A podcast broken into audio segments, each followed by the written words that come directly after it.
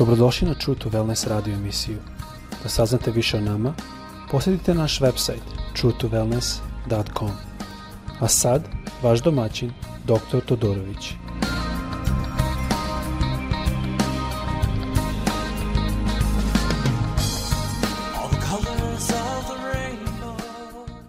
Dobar dan, ljubazni. Pozdravljam vas iz Florida, dakle radim ovaj podcast. Nadam se da ste svi dobro. U ovo doba sada je malo teža situacija i u Srbiji, a i ovde u Americi. Želim da danas pročitamo jednu priču koja možda nama svima je poznata, ali neki put mislim da možda brzo prođemo kroz tu priču i možda nestanemo da čujemo sve, da pročitamo sve, da shvatimo sve.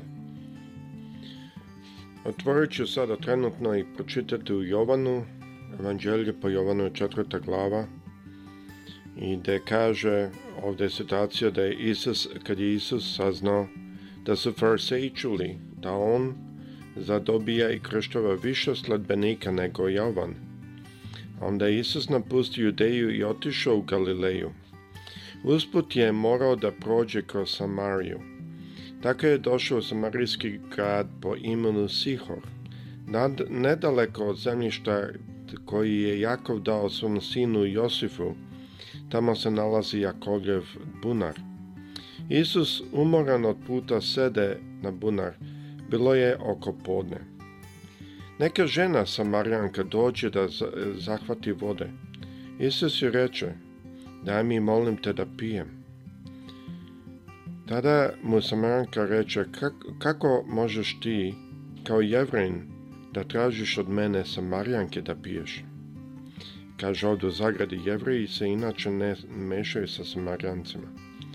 Isus se odgovori, kad bi ti znala kakav dar Bog ima za tebe i koji je taj što od tebe traži da mu daš da pija, Ti bi od njega tražila i on bi ti dao živu vodu. Sada ovde u priči, barem do ovog stepena, kasnije ćemo dalje čitati, vidimo par stvari. Jedno je da su fariseji počeli da govore da Isus krsti više nego Jovan, Jovan krstitelj. Zanimljivo da je Isus radi toga odlučio da ode u Galileju.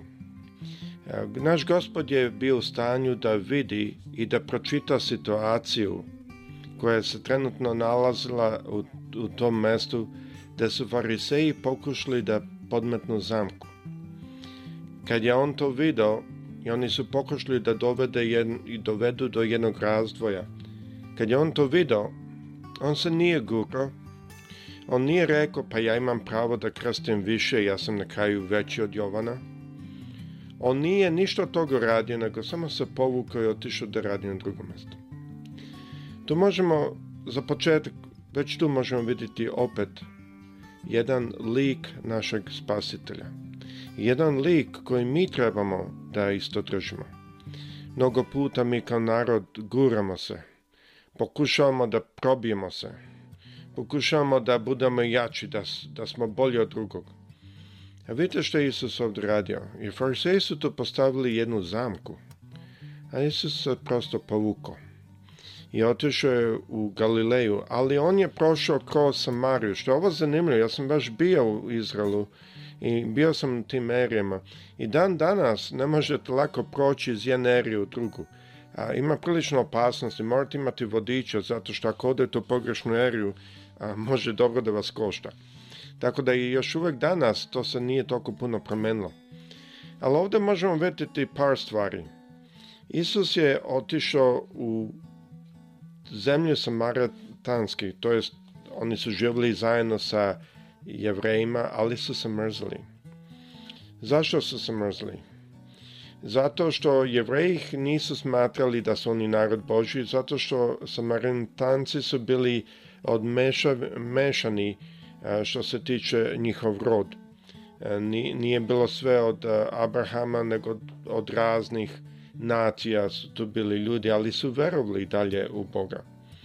I onda su oni sebe smatrali da su zaista Abrahamovo seme, to je da su deca Abrahama.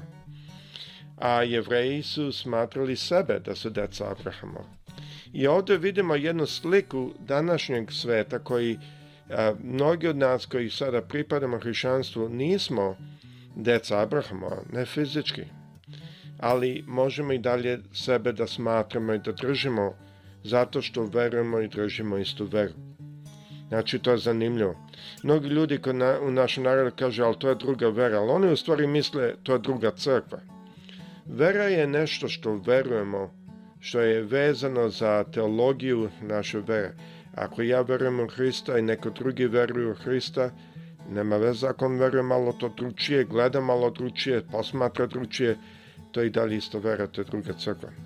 Druga stvar što moramo znati je da kada su jevreji trebali da se vrate nazad iz Babilona i kada su trebali da grade svoj, a, svoju hram, onda samaritanci su bili protiv toga i tu su jedan drugog istometali, tako da je već tu istorija građena je istorija jednog mržnja, jedne mržnje.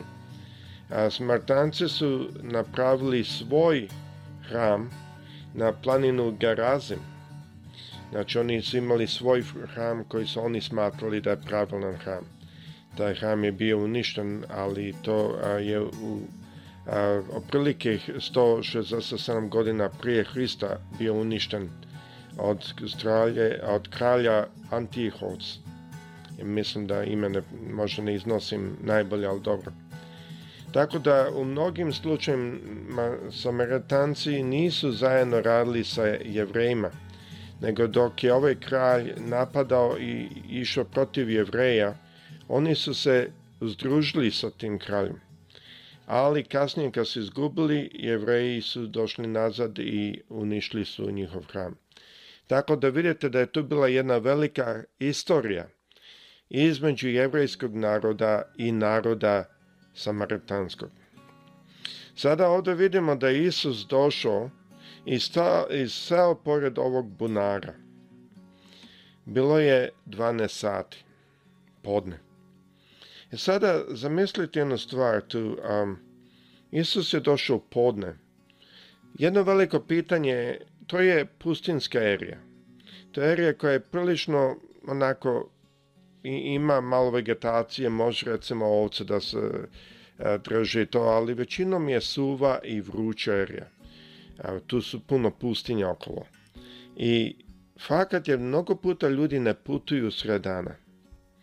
Ne samo da je Isus, Isus došao tu sred dana, što ne pravi baš toliko puno uvek smislo telesno, mada normalno Isus je znao zašto dolazio, nego isto ta žena je dolazila u pola dana. To je bilo potpuno protiv kulture tog naroda, jer žene koje u to doba su dolazile po vodu, ne muškarci, one su dolazile da uzimaju ili rano ujutru ili rano poslopodne. Ova žena je došla da uzme vodu u podne. Zašto? Da ne bi morala da sretne druge. I tu vidimo jednu sliku jedne žene koja je bila odbačena od naroda samartanskog, a da ni ne pričamo od jevrejskog naroda. Vidimo istu sliku da je, je postala jedna velika razlika ili razdor između Samarijanca i Jevreja. Tradicionalno gledano, Isus ako bi primio vodu od te žene da pije, on po njihovim tradicijama jevrejskim bi bio nečist sedam dana. Bilo je jako nepoznato u to doba da bi muškarac govorio ili imao govor sa ženom, pošto žene su bile smatrane puno niže. A još kamoli da bi jevrejin govorio sa, marant, sa samarancom, a još tek sa samaranskom ženom. Mm, ja razumem i svaćam da ovde može jedna velika propoved da se radi i ova tema je zaista prilično duboka, ali želim izneti prave stvari ovde. Isus je prošao i preskočio sve ove tradicije i otišao kroz svo ovu muku da bi došao do jedne žene koja je bila odbačena zato što je imala puno muževa bila je odbačena tako da je ona sama dolazila u sredu podne da uzima vodu, da nikoga ne bi videla. On je došao tu da bi njoj rekao i pokazao da ima jedan poklon što Bog daje svima. On je došao tu da njoj pokaže ko je Hrist i da je on sin Boži i da sve što ona treba da uradi je da pita za to. I ona kad je pitala za tu vodu, On je rekao dovedi svog muža. Ona je rekla pa nema muža. I kad je ona to priznala, on je ukazao njoj na njen greh. Ona je to prihvatila i odmah je otišla i pošla da radi evangelizacijsku službu po tom gradu. Dva dana je Isus bio tamo i veliki broj ljudi ga je prihvatio samo zato što je ta žena radila. ovde vidimo jednu veliku stvar – jednu veliku sliku kolika je Božja ljubav za one koji su odbačeni, koji su odgurnuti, koji su, e, koji narod kaže za njih nema nade. Ali isto vidimo jednu jednostavnu sliku što je potrebno da mi prihvatimo i da mi hodamo u Božjem svetlu. Ne trebaju neke velike ceremonije, ne trebaju neke velike um, rituali, Sve što trebamo je da shvatimo ko je Hrist, da shvatimo da On sin Boži i da priznamo naše krivice. Mislim da jako puno puta evanđelje, barem ovdje na zapadu, postane jako komplikovano, a nije namenjeno da bude tako. Niti smo mi namenjeni da hodamo u nekom merenju ko će bolje da živi. Šta Bog želi od nas je da mi ljubimo njega, I ako mi njega ljubimo, ako mi shvatimo šta je to što je on nama donao, ako mi shvatimo lepotu evanđelja, onda ćemo mi želeti po prilici samo što to svaćemo, da živimo pravilno i ispravno pred njim. Želim da vas ohrabrim. Nemojte dozvoliti da, da vas ljudi uvuču u neku vrstu dubokog jarma. Morate ovo i morate ono. Ja sam shvatio jedan put kad sam čitao reći Božu da Isus kaže, a vi koji ste zli, ako vi znate dobre darove davati svojoj deci, a kamoli ne, o, o, vaš Otac Nebeski može da daje dobre darove onima koji ga, na njega prizivaju. E sada to mi je palo na pamet zato što ako je to slučaj i mi ako smatramo da Bog to ne radi. Ako mi njega vidimo kao nekoga strogo koji nas ne ljubi, onda mi njega stavljamo ispod naših očeva. Mi njega spuštamo na jedan stepen ispod ljudske ljubavi. A on je dao sina svog za nas. Mislim da je jako bitno da shvatimo da ova slika što Isus nama daje ovdje je slika njegova je isto slika oca. A to je slika oca koji ljubi, koji će otići tamo u sred podna da bi izvuko, da bi pomogo, da bi podigao. To je karakter Boži. To je karakter Hristov. I Hrist je rekao da on i otac su jedno. Mi vidimo ovdje ne samo karakter Hristov, nego karakter oca. Vidimo jedan karakter koji neće da se zamori. Samo za jednu osobu će uraditi što je potrebno. Isto vidimo jedan karakter koji nije posle rekao toj ženi moraš to i to uraditi.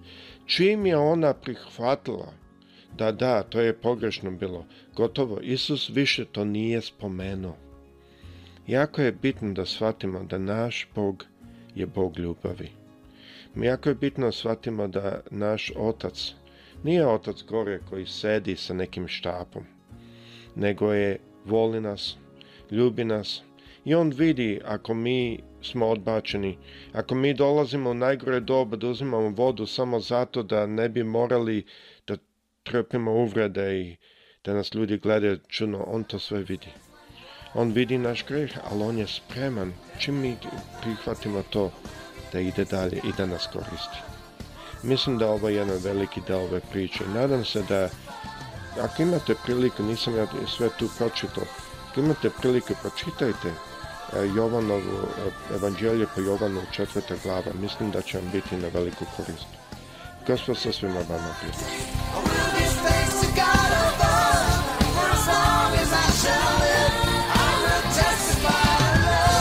Slušajte True to Wellness radio emisiju. Pridružite nam se ponovo svaki utorak, četvrtak i subotu. Za kontakt molimo posjetite naš website www.truetowellness.com Naša e-mail adresa je info at truetowellness.com.